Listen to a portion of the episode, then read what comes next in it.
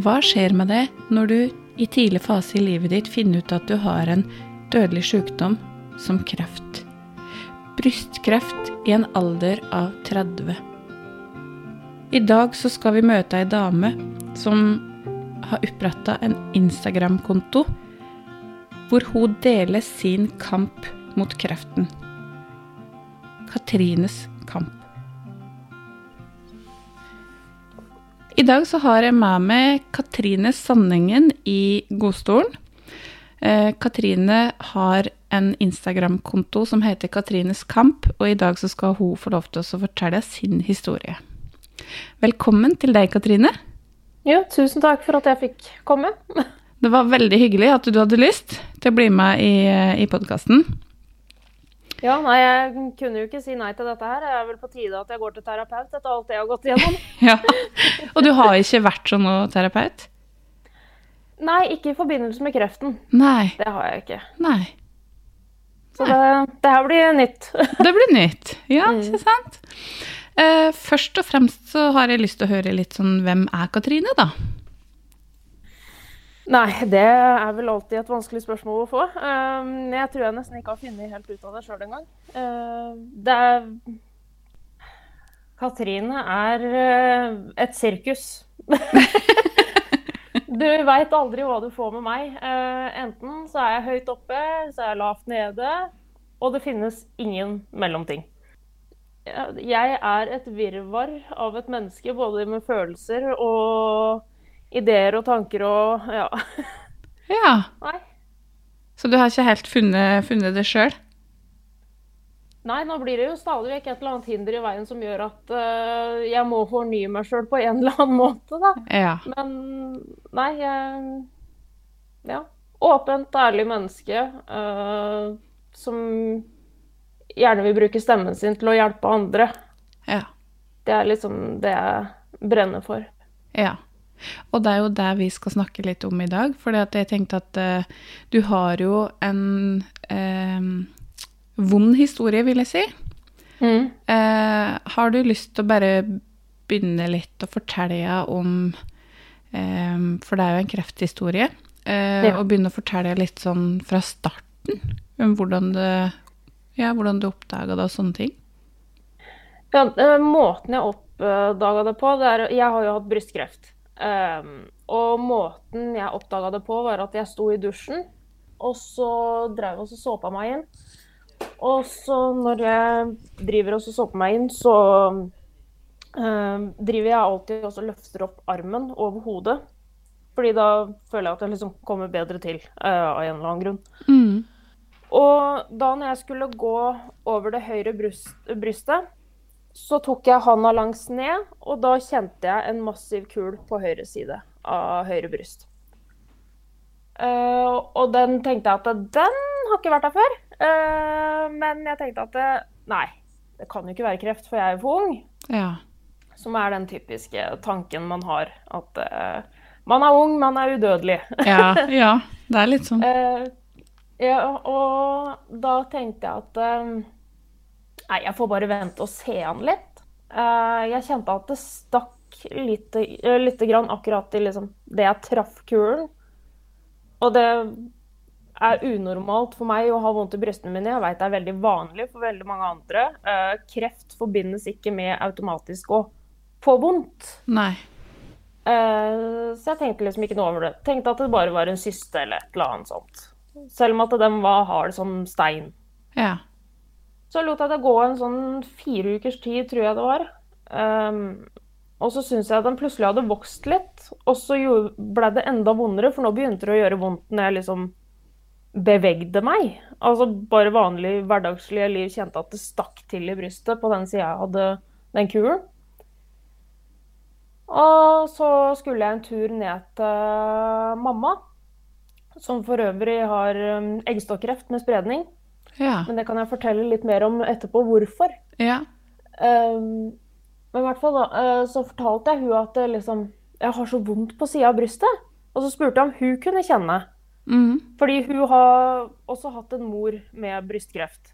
Ja. eh, Og da når hun kjente der, så sa hun at Katrine, dette her tror jeg du skal dra og sjekke bare sånn for sikkerhets skyld. Det er nok ikke noe, men bare sjekk det. Ja. Altså tenkte jeg at ja, nei, jeg får ta oss og gjøre det, da. Og så øh, lot jeg det, så dum som jeg var, gå litt grann tid til. For som sagt, jeg er Ja. jo så ung. ja. Jeg er jo bare 30 Mm. når at jeg fant den. Og så plutselig en dag så sto jeg på badet, tok av meg BH-en, kikka ned, og da så jeg at det var et stort søkk inn i brystet. ja. Og det man gjerne forbinder søkk med når det kommer til bryst, Ja. er kreft. ja. Og da fikk jeg panikk. Da ringte jeg søstera mi og sa at kan du være så snill passe guttungen, for nå må jeg inn til legevakta, for jeg må finne ut om dette her bare er en type brystbetennelse eller hva enn det er for noe. Mm. Så jeg dro til Drammen, slapp av guttungen der. eh, Så kjørte mannen min meg til eh, legevakta. Fikk konstatert at det ikke var noe betennelse eller infeksjon eller noe sånt. Så de sa at eh, ta kontakt med fastlegen din i morgen, og så ta oss og få sjekka det ut. ja. Dagen etterpå, inn til fastlegen. Eh, han sa at eh, ja, jeg tror vi sender deg til mammografi. Bare sånn for sikkerhets skyld. Jeg tror ikke det er noe, men vi gjør det for sikkerhets skyld. Ja. Fordi jeg er jo så ung. Ja, igjen. Igjen, den har jeg Ja. fått høre mye, at eh, du er så ung. Det er mest sannsynlig ikke noe. Ja. Så gikk det vel eh, en uke, så fikk jeg innkallelse. Og da fikk jeg time sånn eh, tre uker seinere, tror jeg det var, eh, til mammografi. Så kom jeg inn til timen der. eh, og blei undersøkt først med mammografi, eh, som er standard. Og da tar de begge bryst, for sikkerhets skyld. Bare når du først er inne der, så får du full pakke. Eller eh, fullpensjon, eller hva man skal kalle det. Ja. Og det, det er ikke vondt, som folk tror. Det skal ikke være vondt, det er ubehagelig. Det er liksom Ja, det går greit. Ja. Eh, og så eh, blir jeg bedt om å gå på venterommet. Eh, og blir kalt inn på nytt igjen til eh, ultralyd eh, når jeg sitter på venterommet der. Fordi at de skal ta prøver, eh, altså en biopsi av eh, den kulen. Ja. Men det som er, når jeg kommer inn til ultralyden der, så sa de at eh, vi fant en kul i den venstre også. Å ja. Så vi må ta to biopsier, altså én av hver. Men Ja. den som var på venstre, den var så liten at jeg hadde ikke sjans til å kjenne den. Den var kjempeliten. Eh, Den var på under én centimeter. Ja. Eh, Så det var bare flaks at de fant den. Eh, tok biopsien av begge. Eh, det gjorde vondt fordi jeg fikk lokal bedøvelse, men det funker ikke på meg av en eller annen grunn. Å nei. Nei. Så jeg kjente alt. Åh. Eh, når du får ei lang nål inn Åh. der, den kjenner du da. Der vil jeg tro. Men det er ikke vanlig. Nei. Men Da. Vanligvis så kjenner du ingenting fordi du får nok bedøvelse, men det er bare jeg som er rar, Ok. holdt jeg på å si. Eh, og så sa de at eh, ja, eh, vi ringer deg når vi får svaret. Eh, og da gikk det vel Jeg tror ikke det var fullt en uke engang. Uh, jeg tror det var litt under en uke. Så fikk jeg telefon, og da sa de at eh, ja, kan du komme inn en gang til, for vi må ta en biopsi til av den i venstre. Eh, og da tenkte jeg liksom ikke noe mer over det. OK, da må jeg inn og ta en biopsi til, eh, til da. Ja. Og så får jeg kanskje svar på hva som var i den andre. Eh, og det første som skjer da, er at eh, når jeg kommer inn på rommet der, og så ber de meg om å sette ned, så det første de spør meg om, er har du noen med deg. Åh. Hva, hva gikk gjennom det, da? Hva gikk gjennom hodet ditt, da? Da skjønte jeg det. Ja. Fordi de ber aldri om at du tar med deg noen, med mindre at det faktisk er noe gærent. Ja. Og jeg bare OK, jeg må gå og ringe mannen min, for han sitter i bilen liksom på en parkeringsplass litt lenger borte. Eh, Ja. Fordi jeg har jo ikke lappen, så han har jo liksom måttet kjøre meg overalt. Mm. Og jeg ringer han og så sier jeg at du, eh, de vil at du skal bli med på dette møtet. Og da tror jeg også han skjønte at OK, det er alvorlige greier. Ja. Så vi kom inn på rommet der, ehm, og så første eh, det, For jeg får snakke med en kirurg. Og det første hun sier, at eh, det er eh, Vi har funnet kreft. Ja. Og det er ikke bare i den ene, men det er i begge. Grunnen til at vi måtte ta en biopsi til av den venstre, er fordi at vi må finne ut hvilken type kreft det var i den. ja. For det er litt med hvilken behandling du skal ha og sånne ting. Mm. Og jeg husker idet kirurgen sier det er kreft det, er, det blir litt sånn som du ser på film. Alt bare stopper opp rundt deg. Det blir sånn vakuum. Du hører liksom stemmene utafor det vakuumet igjen. ja. Og jeg ser på mannen min, hvit som et spøkelse. Og jeg bare sånn Første tanken min var Jeg kommer til å dø. Ja. Hva skal jeg gjøre? Hva skal Hvordan Sønnen min hva, Hvordan skal han klare seg å ta vare på sønnen min? Mannen min har en muskelsykdom som gjør det vanskelig for han å ta vare, ta vare på guttungen aleine. Ja. Åssen skal jeg få dette her til å gå opp? Mm. Det er alt bare sånn Du får så mange tanker som bare raser igjennom eh, på en og samme tid. Mm. Men så gikk det vel sånn ca. ti sekunder. Så tenkte jeg at jeg- jeg vet du hva, kreften skal faen ikke få ta meg. Oi. Og hvor kom det Det- fra? Er, det, ha- er du litt sånn av person, dette med å kjempe En litt sånn kjemper? Tenker Ja. du, eller? Ja. Jeg er veldig sta. det er kanskje greit. Eh, Sta og jeg blir sånn at når ting går meg imot, da kjemper jeg ekstra hardt. ja. For jeg, jeg er ikke en som gir meg lett. Det er jo en god egenskap, da. Ja, faktisk i dette tilfellet her. Ja. Veldig god egenskap. Ja. Eh, Så da ble liksom pakkeforløpet satt i gang, da. ja.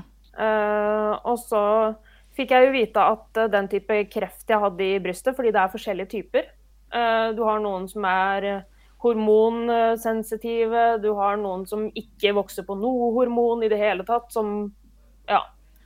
Det er flere forskjellige, eh, og det er ikke mange som er klar over engang. Nei. Eh, Det visste ikke jeg sjøl engang. Nei. Eh, og fikk vite at jeg har eh, typen trippel negativ, som er en av de mest aggressive, og som sprer seg veldig lett. Oi. Så den har som regel spredd seg før du oppdager den. Den har deg, ja. Ja. Ja. Og jeg fikk jo vite at den kuren jeg hadde i den høyre, var jo nesten fem ganger fem centimeter. Og det er stort. Oi. Ja. Det er veldig stort. Ja. Eh, og så som sagt ble pakkeforløpet satt i gang. eh, og det vil si at da skal du liksom inn til undersøkelse først for å teste om hjertet ditt tåler cellegift og sånne ting. Eh, og det gjorde det heldigvis. Så fint, det der. og så skal du liksom få MR med kontrastvæske for å finne ut av omkretsen til kuren og sånne ting. Ja. Praktiske eh, undersøkelser, da, kan man si. Mm. Og jeg gikk gjennom papirene mine i stad, så var det sånn Fra jeg fikk eh, diagnosen til jeg hadde første cellegift, gikk det seks dager. Såpass fort, Mm. ja. Og det er Oi. mange undersøkelser du skal igjennom. Ja. Eh, Det er blodprøver, du skal ha CT, og så er det hjerteundersøkelse, MR, og så skal du inn til samtale for å vite åssen type eh, cellegift du skal få. Og så er det liksom Ja, blir du satt på cellegift dagen etter, da. Ja. Så det går veldig sånn fort, men de må jo ta det fort. Ja, det må jo det, for det er jo I forhold til spredning og aggressivitet og alt dette der, da. Ja, for du, den er så uforutsigbar. Ja. Og jeg fikk jo øhm, den samtalen jeg hadde med legen dagen før jeg fikk cellegift. Da fikk jeg vite om det var spredning eller ikke. Ja. Fordi det er derfor jeg gikk gjennom CT og MR og sånne ting. Og når jeg satt på det venteværelset der, jeg satt og skalv, og jeg grein. ja. For jeg var så redd, for jeg veit at hvis det er spredning, så er det ikke bare det at du har dårligere sjanse for overlevelse, men også det er større sjanse for at du kan få tilbakefall etter du er ferdig. Ja. Eh, fordi har det først spredd seg, så er det lettere at det popper opp Her og andre der, ja. steder i kroppen. Eh, og når jeg kom inn til legen der, og hun begynte å liksom snakke om alt annet, da. Ja. Og jeg bare satt der bare "Nå, Når skal jeg få vite svaret? Ja.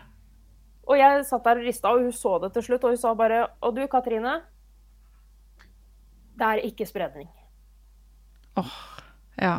Da, den Jeg skreik på full hals halleluja. Gjorde du det? Jeg tuller ikke engang. Jeg skreik. Jeg var så letta da. Og jeg tror ingenting kan slå den dagen jeg fikk vite at det ikke var spredning. Nei. Det var en så herlig følelse. Ja, det vil jeg tro. Ja. Ja. Så det ga meg ekstra sånn kampmot, da. Mm. Så, Nå skal jeg virkelig ta deg. mm. Nei, det var Ja. Og da var, fikk jeg vite at eh, nei, nå er det cellegift i seks måneder framover. Eh, jeg begynte torsdagen 18.11.2021. Mm. Og så var jeg ferdig eh, 3. mai 2022. Ja. Og da Den første cellegiften man får, den er heavy. Den er deg, ja. Den, eh, fordi jeg fikk to typer. Den første skal du ta med tre ukers mellomrom. eh, og den eh, Nå har jeg glemt navnet på den. Liten fun fact med cellegift er at du glemmer ting veldig lett etterpå. Å ja. Litt sånn eh, seinvirkning eller ettervirkning. Ja, Ja. det er sånn Du glemmer hva ting heter, og bare Hjernen er ikke til stede, rett og slett. Nei. Men øh, i hvert fall den første. EC90 er det den heter. OK. Ja. Eh, den hver tre uker. Og så, etter du har tatt den tre eller fire ganger, så skal du over på Taxol. Og den skal du ha tolv runder med. Oi. Og det er hver uke frem til du er ferdig. Ja. den var ikke så hard, men den Du blir gradvis mer og mer nedbrutt og sliten. Ja, for det er vel litt sånn med Når hun hører ordet cellegift, så tenker hun jo litt sånn at dette med fatigue, dette med eh, å miste håret Var du forberedt på alt dette eh, når du begynte på cellegift? Ja, fordi jeg har jo en mamma som har eggstokkreft med spredning, så jeg på en måte var, hadde jo akkurat sett hva hun hadde gått igjennom. Ja. Så jeg fikk på en måte en hva kan man si, en forhåndsvisning eh, av hvordan eh, det ville bli de neste månedene for meg. Og det er, var på en måte Det hø- kommer til å høres helt morbid ut, men det var på en måte en trøst. Ja. Fordi nå har jeg fått sett at eh, det går an å faktisk leve med kreft Mm. og at det går ganske bra. Fordi vanligvis i min familie, når noen har fått kreft, så har de dødd kort tid etterpå. Så jeg alltid forbinder kreft med død. Ja. Så det var helt nytt for meg. Å se at eh, OK, det går an å leve med det. Det går an å gjøre noe med det før det er for seint. Ja. Bra opp det hele, da. At du fikk den, den opplevelsen, tenker Mm. jeg. Så nei, det er veldig merkelig å liksom eh, gå fra å være pårørende til å få kreft sjøl Ja, det vil på jeg tro. ett år. Fordi mamma fikk diagnosen sin ett år før meg. Oi. Ja. Så det var veldig kort innpå hverandre. Mhm. Eh, og alt dette her bunner jo i grunnen at eh, vi er bærer av et gen som heter BRCA1. Å ja. Eh, så vi har veldig høy sjanse for å få brystkreft og eggstokkreft. Ja. Og vanligvis når du får det genet, eller får vite at du har det genet, så kan de fjerne brystene og eggstokkene dine preventivt, altså før du får kreft. Ok. Hvordan kan en undersøke, eller hvordan kan en vite om en har Altså, hvordan kan en finne ut om en har det genet, da? Eh, Måten man som regel får finne ut av det på, er hvis at noen i din nære familie har fått enten eggstokkreft eller brystkreft i veldig ung alder. Ok. Sånn som får du eggstokkreft, jeg tror det er uansett alder, så skal de nærmeste gentestes. Ja. Men brystkreft, der er det andre eh, kriterier. Det er, hvis det er en mann som har fått brystkreft, Mm. da sjekkes eh, familien for, eh, med BRCA-genet uansett. Ok, for da er det mest Hvertfall sånn sannsynlig jeg har at det er skjønt det. Ja, eh, fordi det er, er så sjeldent at menn får brystkreft. Ja, for det Vi visste er- jeg ikke om. Nei, det er akkurat det. Ja. De er del av det som heter 1 Så Ja. det er kun 1 så sjanse for å få brystkreft hvis du er mann. ja. Men ja, menn kan også få det. Eh, og hvis det, du er kvinne, så er det hvis du er under eh, øh, Nå er jeg ikke helt 100 sikker, men jeg tror det er hvis du er under 60 50 eller 60 år, Mm. så skal de nærmeste testes for uh, BRCA-genene. Ok. Ja. For det er to. Det er én og to. Ja. Og toeren innebærer litt andre krefttyper også. Men BRCA1 er hovedsakelig brystkreft og eggstokkreft. Ja. Men jeg tenker det at du eh, Mammaen din fikk kreft ett år før deg. Mhm. Det at dere på en måte Dere er jo i samme situasjon. Har det, føler du at det har knytta dere litt sånn nærmere hverandre? Ja, det vil jeg si. Fordi at vi har jo på en måte kunnet lene oss på hverandre. Og dessverre for mamma sin del, eh, hun har jo spredning, og hun kommer ikke til å bli frisk. Nei. For det hadde spredt seg for langt. Eh, Så hun må jo stadig vekk inn til behandling og sånne ting. Men det er en krefttype hun kan leve med. OK. Så, men det er en kronisk type kreft, da, som de kaller det. Ja. Men eh, det er litt sånn Du sitter litt med survivors guilt når at du ser at OK, jeg kunne bli frisk, Mm. men ikke mamma. mm. Så man føler litt ekstra på den da. Ja. At det dukker opp en sånn skyldfølelse for at du klarer det, og ikke hun, da. Ja. Ja. Det, det er ingenting verre for meg enn å se at eh, andre har det vondt, Nei. og jeg ikke kan fikse det. Ja. Jeg er veldig sånn, jeg vil gjerne fikse folk. Ja. Og sånn har jeg alltid vært. Eh, hvis at jeg liksom kan ta over dritten for noen, så tar jeg det på min kappe, liksom. Eh, Mm. det er kanskje en veldig dårlig egenskap, egentlig. Men ja. Det er jo det gjør det noen- bare verre for meg sjøl. Ja, for det er jo litt eh, En liten digresjon da, i, forhold, i din historie er jo da at jeg jobber som kognitiv terapeut, Mhm. og jobber med å lære andre å sette seg sjøl som nummer én i livet sitt. For det er jo Ja. det vi trenger å gjøre. Ja. Og det har- Jeg veit jo det, men det er bare hjernen min vil ikke godta det. Nei. Det er sånn Nei, her kommer andre først. Jeg skal komme sist. Ja. Men jeg har jo lært sånn gjennom behandling at eh, jeg må komme først for at jeg kan sette andre først. ja. Og det var det jeg var tenkt på å spørre etter om. Om du har lært den delen eh, i, i, i løpet av din historie at du har lært å sette deg sjøl mer som nummer én, da. Ja, absolutt. Så bra. Og det er veldig viktig generelt. Ja, for det er jo noe med å Hvis du har det bra, så har andre rundt deg det bra. Og hvis du ikke har det bra med deg sjøl, så er en jo heller ikke en god kone og en god mor eller en god datter eller Altså, den er jo Jeg veit jo med meg sjøl at hvis ikke jeg har det bra, så er jeg jo monstermamma, nesten. Ja, Så det den kjenner jeg igjen. Ja.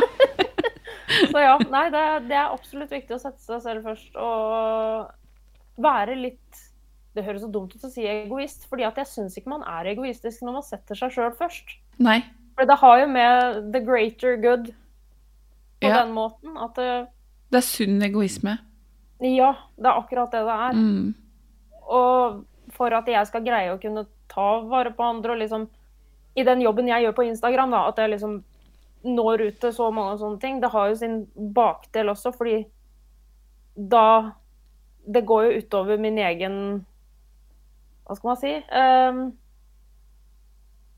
måte å komme over dette her på, for jeg utsetter meg jo for dette her daglig. Ja. Å få liksom alle disse historiene som går så veldig inn på meg Ja. om andre som går gjennom det samme, og liksom pårørende som ikke veit hvordan de skal forholde seg til sine nærmeste som har fått kreft. Eh, Det er jo vanskelig eh, Mm.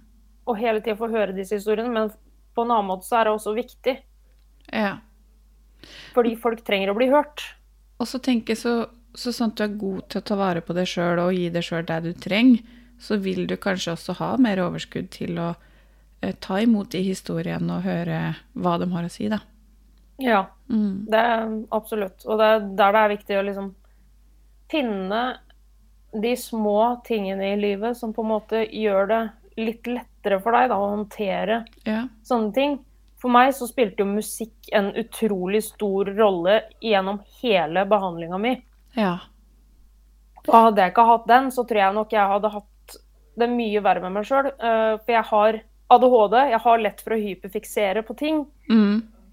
Og det var en stor redning for meg når at jeg gikk gjennom behandling. Ja. For ved å hyperfokusere på musikk, Ja. så liksom greide jeg å holde mesteparten av de mørke tankene liksom borte, da. ja. Og det, det er jeg veldig glad for. Ja, det er jo bra. Og så, jeg vet jo at du er veldig Tix-fan, er du ikke? Yes. Ja, jeg ser det bak deg. Ja. ja, han er med overalt. Ja. ja. ja. Ja, nei, det er kun hans sin musikk som har blitt spilt av. Det er det, ja. Mm. Ja. Fordi jeg skulle tilbake til festen. ja. Det var det som var Det målet som var mitt, målet. eh, mm. Det var det som holdt meg gående. Ja. Det Det er var jo Rett og litt slett leve livet. Ja, og så har- jeg har jo sett litt på Instagram at du ha- du For du har jo møtt han og prata med han flere Mhm. ganger. Mhm. Em, føler du at eh, Ja, nå, er, nå sa du jo litt som det er, det er hyperfokuset, ikke sant, med musikk. Men er det noe i eh, sangtekster u- Tix er jo en fantastisk person. Eh, så, så det er noe Er det noe der som på en måte har løfta det litt, eller hjertet videre, eller sånne ting, tenker du, eller? Det som var litt spesielt akkurat det året eh, der, 2022 eh, For jeg vil nesten kalle det litt sånn skjebnens ironi. Det er Ja. at han er jo russelåtkongen. Ja. Og det var den musikken jeg liksom brukte, fordi at eh, hvis jeg hadde sittet og hørt på trist musikk hele tida, så hadde jo jeg bare Ja, Ja. det hadde nesten gjort det verre for min del. Mm. Men da, akkurat det året, så skulle jo han komme ut med en plate som handla om psykisk helse. Ja. Så det, det var jo litt sånn Han lagde plata jeg på en måte trengte akkurat der og da, Ja. for å få ut følelsene. Ja. Uten at det, på en måte jeg oppsøkte det. Men eh, en av hans mest kjente, som er jo 'Tusen tårer', som Ja. er en veldig kraftig låt som er rett og slett at jeg ønsker at man ikke vil mere. Mm. Og jeg gikk igjennom en sånn periode under behandlinga at eh, jeg begynte å lure på om jeg bare skulle avslutte alt. Ja. Om jeg bare rett og slett skulle ta livet mitt. Ja. For det var så hardt eh, å stå i alt og føle seg så som en dårlig mor, som en dårlig kone. For jeg lå jo i senga 90 av tiden. Jeg kunne jo ikke gå ut pga. covid, Nei. så jeg var jo isolert fra alt og alle. Bortsett fra når jeg skulle i behandling. Mm. Og du kan jo tenke deg hva det gjør med psyken etter hvert. når at... Det Det er ikke bra. Nei, det I er det ikke hele det. tatt. Og i tillegg da ha kreft, liksom. Det er jo Ja. snakk om å få liksom eh, kirsebæret på toppen av iskremen, liksom. Tanken får lov til å bare spinne hele tida, ikke sant? Du har jo ikke noe annet å gjøre enn å ja, tenke, da. Nei, ikke sant? Og da Det som jeg brukte musikken til da, var at når jeg tenkte, øh, trengte å grine, OK, setter jeg på 1000 tårer på repeat i sånn to-tre timer. Ja. For da får jeg det ut. Mm. Og det delte jeg også med følgerne mine, liksom de tunge stundene som er i løpet av kreftbehandling. Mm. Eh, fordi jeg brukte jo også mye humor. Ja. Og det gjør jeg fortsatt. Ja. Eh, men det var viktig for meg å vise alle sider av det å gå gjennom kreft. Og det er jo det som er det fine med det, tenker jeg. At eh, det er litt sånn ufiltrert. Det er ikke, det er ikke noe eh, som er lagt eh, eller pynta på, eller Det er i hvert fall den opplevelsen jeg har fått når jeg har sett på Instagrammen din, da.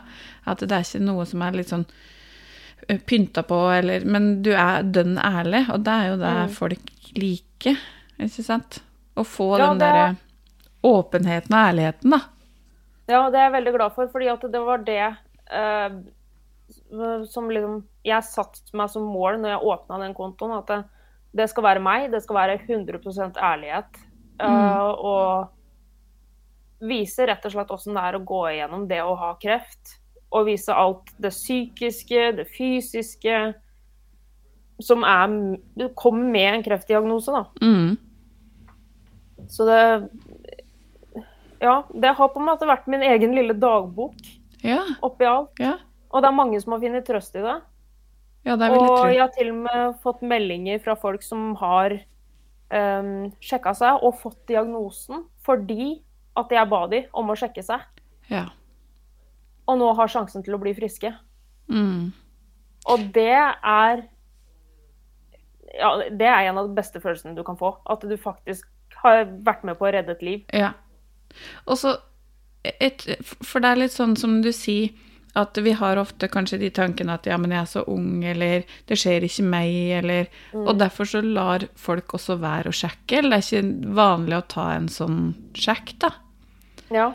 Eh, og så så jeg at du har sånn live eh, der du går igjennom hvordan du kan sjekke, og det syns jeg er kjempefint. Jeg har jo ikke vært noe god på å sjekke sjøl, men litt sånn som du sier, i dusjen så tar en jo en litt sånn runde. Jeg har vært bevisst på det i mange år, da. Eh, Mm. Bare fordi at jeg har hørt mye om det, og det er litt sånn skremmende med kreft. Kreft er jo et litt sånn derre skummelt ord, og litt sånn kreft er lik død. Det er jo det en Ja. har tenkt. Ja, det er, det er sånn veldig mange tenker også. Mhm. Mm. Og, men nå har jo jeg vist folk at det, det behøver ikke å være så skummelt Nei. hvis du får tatt det tidlig nok. Nei. Det er der liksom nøkkelen er. at det- Får du tatt det tidlig nok, så har du en veldig god sjanse til å bli frisk. I Mm. hvert fall med brystkreft. da. Det er jo forskjellige typer kreft som ikke alle man er like heldig med, sånn sett. Men Ja. i hvert fall brystkreft, hvis det blir tatt tidlig, så har du så ekstremt høy sjanse for at det skal gå bra. Det er, det er jo godt over 90 sjanse. ja. Ikke sant? Så det, derfor det er viktig å få tatt det tidlig. Og Ja. det er mange som også har helseangst, som ikke tør å liksom ta den sjekken, for de er redd for hva de skal kjenne. Ja, og det er jo helseangst er jo det å em, Frykten for hva, hva svaret blir hvis du sjekker det, ikke sant? Mm. Eller at de oversjekker seg. Ja. Mange ja, at det jo blir sikkert helt sånn Blir litt sånn- Ja. Uansett hva det er, så 'Å, dette er sikkert kreft', eller eh, uansett hva en kjenner, da. ja. Ja. Det er derfor jeg sier at det er viktig at du blir kjent med brystene dine Mhm. for hva som er normalt. ja. Så ha det inn som rutine. En gang i måneden, to uker etter mens. Gjør det gjerne i dusjen med såpe, fordi da kjenner du lettere hvis det skulle være noe. Ja. Og alt som du kjenner etterpå, som er unormalt, som du ikke har kjent før, eller hvis du kjenner noe hardt noe som Du veit jo, bryst skal jo ikke være harde, Nei. eller ha harde punkt. Mm. Eh, Så hvis du ser det, eller noen av de andre tegna som er lista opp som eh, faretegn, gjerne gå inn og sjekk det på en eller annen nettside. Sånn, bare søk opp symptomer på brystkreft, så får du en liste Ja. over liksom hva som er unormalt. Ja. Eh, og da ser, du- ser ser du eller kjenner noe som er unormalt for deg, så sjekk det heller en gang for mye enn for lite. Mm. Og jeg er nok av dem som jeg, har ikke hel jeg vil ikke kategorisere meg under helseangst, men jeg er en av dem som lar være å gå til legen fordi at jeg er redd for hva som skal finne, da. Ja, nei, det, du er ikke aleine der. Nei. Nei. Nei, det er mange. Der vil jeg tro jeg er mange. ja. Mm.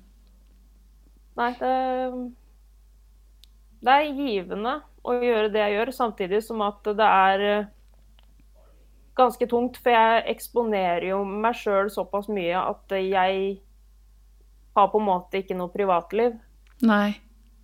Ikke sånn for mine innerste tanker og sånne ting, fordi det legger jeg på et sølvfat for alle som kan lese. Ja. Akkurat mannen min og sønnen min prøver jeg å holde så privat som mulig. ja, det skjønner jeg jo, da. Mm. Og også når den er såpass eh, åpen og Og du har jo utrolig mange følgere, så jeg. Ja, det har kommet en del. Ja. Overraskende nok. Jeg trodde at det liksom bare var nærmeste familie og venner, ja. men eh, nei, der eh, tok jeg visst eh, feil. Mm. ja. Men når du da har brukt eh, cellegift over en lang periode, eh, og det gir jo mye eh, plager Mm. eh, Hvordan var det i etterkant av cellegiften? For det er jo litt sånn, cellegiften er jo én ting, den behandlinga han driver med der og alt. Men det er jo Hvordan var det i etterkant av det, da? Jeg har jo heldigvis vært én av de som ikke har fått sånn kjempemye plager etterpå. Eh, I Ja. hvert fall ikke foreløpig. Det kan komme liksom seinere, man veit jo aldri. Men foreløpig har jeg ikke merka til store tingen. Det eneste er litt sånn eh, det som kalles nevropati, eh, som er sånn Mister litt sånn følelse i fingre og kan ha litt vondt i beina, typ på innersida av såla. Ja. Eh, og, men jeg har ikke så mye i fingrene, jeg har mest i beina. Ja. Eh, Men jeg har merka at eh, For jeg, jeg er så heldig at jeg har fibromyalgi også. Eh, Å ja, ok. Så den har blitt verre. Eh, Så Ja. jeg har mer smerter. Mm. Og oftere liksom Ja, jeg kjenner det ekstra godt der jeg pleier å ha vondt, da. Mm. Men eh, nå har jeg hatt det siden at jeg var 16, så det er ikke noe nytt. Nei. Ok. Men er det mm, For fibromyalgi har du, har du på en måte jobba litt for em, Det er jo noe med den derre helhetlige eh, Å ta vare på seg sjøl med grunnleggende behov, fysisk, psykisk, eh, sosiale behov, ikke sant? Og dette med å em, For jeg lærte der på studiet at ofte så er det 80 av smertene våre er også hvilke tanker vi har rundt det. Mens Mm. 20 er den fysiske, enten vevskaden eller det som er på en måte fysisk i kroppen vår. Men Ja. tankene våre forverrer jo veldig smerter og symptomer og eh, sånne ja, type ting, da. Ja. Har du merka, eller har du jobba med tankemønster, eller jobba med litt sånn eh, hvordan du tenker om ting? Ja, men jeg har alltid vært en sånn veldig eh, positiv person når det kommer til liksom Ja, ja. Det går greit. Det er sånn. Det Ja. her er korta jeg har fått. Det må jeg bare takle, liksom. Ja. Og jeg lar meg ikke lett stoppe. Jeg gir alltid 100 Og det var det som var litt dumt av meg når jeg prøvde meg ut i jobb også, fordi jeg ga ikke bare 100 jeg prøvde å bompe det opp til 200 Ja, ikke sant? Og så det gikk ikke. Nei. Da møtte jeg veggen, og jeg blei så dårlig at eh, hver dag jeg kom hjem fra jobb, så endte jeg opp med å kaste opp, for jeg hadde så vondt. Såpass, ja. Ja, Ja. hele kroppen sto rett og slett i brann. Eh, og det kjentes ut som at jeg var et eneste stort uh, brannsår med ja. blemmer og alt og Men jeg har fortsatt det der lille håpet, da. Om Ja. at jeg liksom skal kunne greie å jobbe igjen. Ja. Og det var egentlig målet mitt for 2022. Ja. At jeg skulle ut i jobb igjen. Men så fikk jeg jo kreft. ja. Ikke sant. Så da sa legen at vet du hva, jeg tror du driter i hele det, bare lev livet, du. Nyt det. Nyt Mm. livet. For det er, det er Ja. litt sånn Vi vet jo ikke framtida, vi vet jo ikke foran oss. Og det er jo du et litt sånn eksempel på, da, at du vet jo ikke hva som venter deg. Og at en kan ikke styre eller ha kontroll over framtida. Nei, men man kan styre tankene sine. Yes. Og, Og det er der det viktige ligger. Mm. Fordi jeg En ting jeg sa til mannen min uh, når at jeg fikk diagnosen, var at eh, du veit at jeg er en som ikke legger meg ned og dør før at jeg faktisk skal dø. Eh, kreften skal få angre på at den valgte meg. Ja. Så bra. Det er jo litt sånn fighter eh, Litt sånn krigervilje i det, da. Jo. Det, man må nesten ha det. Ja. Fordi som legen sa til meg, at det beste du kan gjøre, som er beste medisin mot kreft, Mm. er å beholde det gode humøret. Ja. Fordi det, det tidspunktet du legger deg ned, så kommer det til å gå gærent. Du, du, må, du kan ikke legge deg ned og dø før at du skal dø. Så, Kjempe til helt enig. siste slutt uansett, på en måte. Ja. mm, Mm. det, er- jeg tror det er Selv om at du har en kreft som ikke kan bli kurert, så er det fortsatt viktig at du holder motet oppe i alt. Ja. Fordi det er ingen som vil leve i en konstant liksom tåke av sorg og ja, nedbrutthet, da. Mm. Så humøret er utrolig viktig generelt ja. eh, når du går gjennom sånne ting. Og så er jeg er jo veldig opptatt av dette med det å praktisere litt sånn takknemlighet. Mm. Ehm, og hva det gjør med oss, da. Mm. Ehm, klarte du Altså, du sa du hadde håp, og håp og takknemlighet er jo ganske litt av det samme, men klarte du å finne litt sånn i det forferdelige finne noe form for takknemlighet eller glede i hverdagen? Noe du kunne henge litt sånn ehm, gode ting på? Ja, det er jo der TIX kommer inn i bildet, da. Ja, ikke sant? For jeg hadde et håp, og liksom eh, Jeg hadde sett for meg at OK, i 2022 Jeg kommer ikke til å få sett han live. Fordi Nei. jeg, jeg er sjuk, jeg skal opereres, alt det der. Men så bydde det seg en mulighet at eh, Ja, fader, jeg, skal jo, jeg er jo ferdig med cellegift og operasjon en måned før han skal dit og dit. Ja. Så tenkte jeg at søren, jeg skal ha det som en liten sånn eh, Hva skal jeg si gulrot i enden. Ja. Jeg skal på den konserten uansett. Ja. Så bra. Og det, det blei gulrota mi. Og det at jeg hadde jo et håp om å liksom få møte den og liksom gi den den forbanna klemmen som jeg hadde lyst til å gi den hele tida. Ja. for alt han hadde gjort for meg. Og fått meg igjennom eh, via musikken sin. Mm. Eh, så da var det litt ekstra spesielt at han møtte opp siste cellegiftbehandling på sjukehuset. Han gjorde det, ja. Han gjorde det. ja. Da kom han i bilen sin, og da datt jeg rett i bakken. For Ja. det, da overraska han meg. Ja, det vil jeg tro. Mm. Så Hmm. Nei, det var ekstra spesielt det der. Og så Det er derfor jeg sier at å finne noe som at du kan liksom henge det lille håpet i. At Mm. du har ei lita gulrot i enden. Og det sa også legene til meg, at det er veldig viktig å ha noe å se fram til. Ja. Og kanskje sette seg liksom bitte små må oppnåelige mål, da. Ja, Mm. om det ikke går an Hvis du ikke greier å ha månedlige mål eller ukentlige mål, ta hver time. Ja. For det er så viktig å ha de der små målene for å komme seg gjennom bare hverdagen. Ja. For veldig mange kronisk syke også. Ja. Det Så er det, helt det sant. er viktig. Mm. Og så tenker jeg litt sånn eh, nå, da. Katrine Ja. nå. Eh, jeg så jo eh, at du hadde på en måte blitt konstatert kreftfri. Mm. Eh, hvordan har du det nå? Nå har jeg det eh, ja, Akkurat nå så er det litt dritt fordi at mamma måtte i behandling igjen. Men Ja. sånn eh, Ellers så går det ganske greit. Jeg sliter jo litt med det psykiske aspektet av liksom, som er vanlig etter å ha hatt kreft, fordi da kommer den der tilbakefallsangsten, Ja. Sånn som de kaller det. Ja. For du er jo hele tida redd for at det skal Tenk komme tilbake hvis igjen. Ja. Ja, Mm. hvis som at det er som at det, og det er jo en, ja, litt av en karusell eh, å gå gjennom. Mm.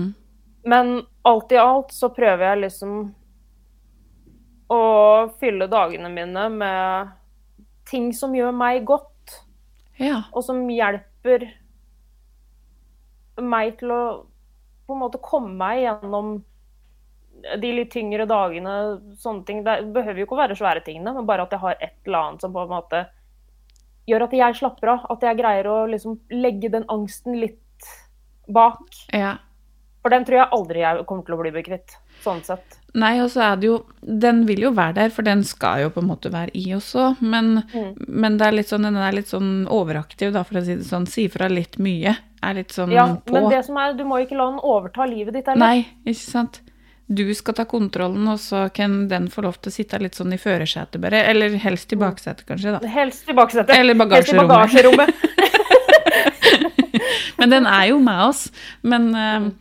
eh, den trenger ikke s- være så på, da. Og være så Drive og pirke det på skuldra hele tida, altså. ja, men det som også er viktig, er at hvis du først får de tankene, hvis du får den angsten, hvis du føler på at OK, jeg- det er ikke så greit i dag, Mm, tillat deg sjøl å kjenne på de følelsene, for det er like viktig som oppturene. absolutt. Det er ikke Livet er ikke en dans på roser. Det er ikke alltid bra. Det er ikke alltid gull og grønne skoger. Vi driter ikke i regnbuer, som jeg Nei, sier. nei. Eh, Det er viktig Mm. å føle på alle følelser og kjenne at det- det er normalt. Mm, For gjerne via sosiale medier så får vi høre at eh, livet skal være perfekt. Du skal ha sånn, du skal være Ja. sånn, du skal ha det sånn. Nei, det er ikke normalt. Det normale er å ha følelser. Mm. Det er det menneskelige. Og så har vi mest av negative følelser, da, så det er litt sånn kjedelig hvis den bare skal øh, Altså at den ikke skal romme følelsene sine. Um, Og så tenker jeg, jeg som kognitiv terapeut og jobber mye med selvfølelsen, så tenker jeg at det handler om å romme hele deg. Det handler om å tåle alt ved deg sjøl. Ja. Både det negative og det positive. ja. For vi er jo ikke bare oss kan jo ikke hele tida være oppe. Vi er ikke roboter. Nei, det går jo ikke. Og Det skal vi ikke være heller. Nei. Vi skal ha følelser. Vi Mhm. skal føle på opp- og nedturer og alt innimellom. Mm. Det er helt vanlig. Og det er Jeg har fått meldinger av folk som føler seg også unormale fordi at de er nedfor litt av og til. Ja. Jeg, s- og da sier jeg at vet du hva, det er ikke et problem før at det blir altoppslukende. Mm.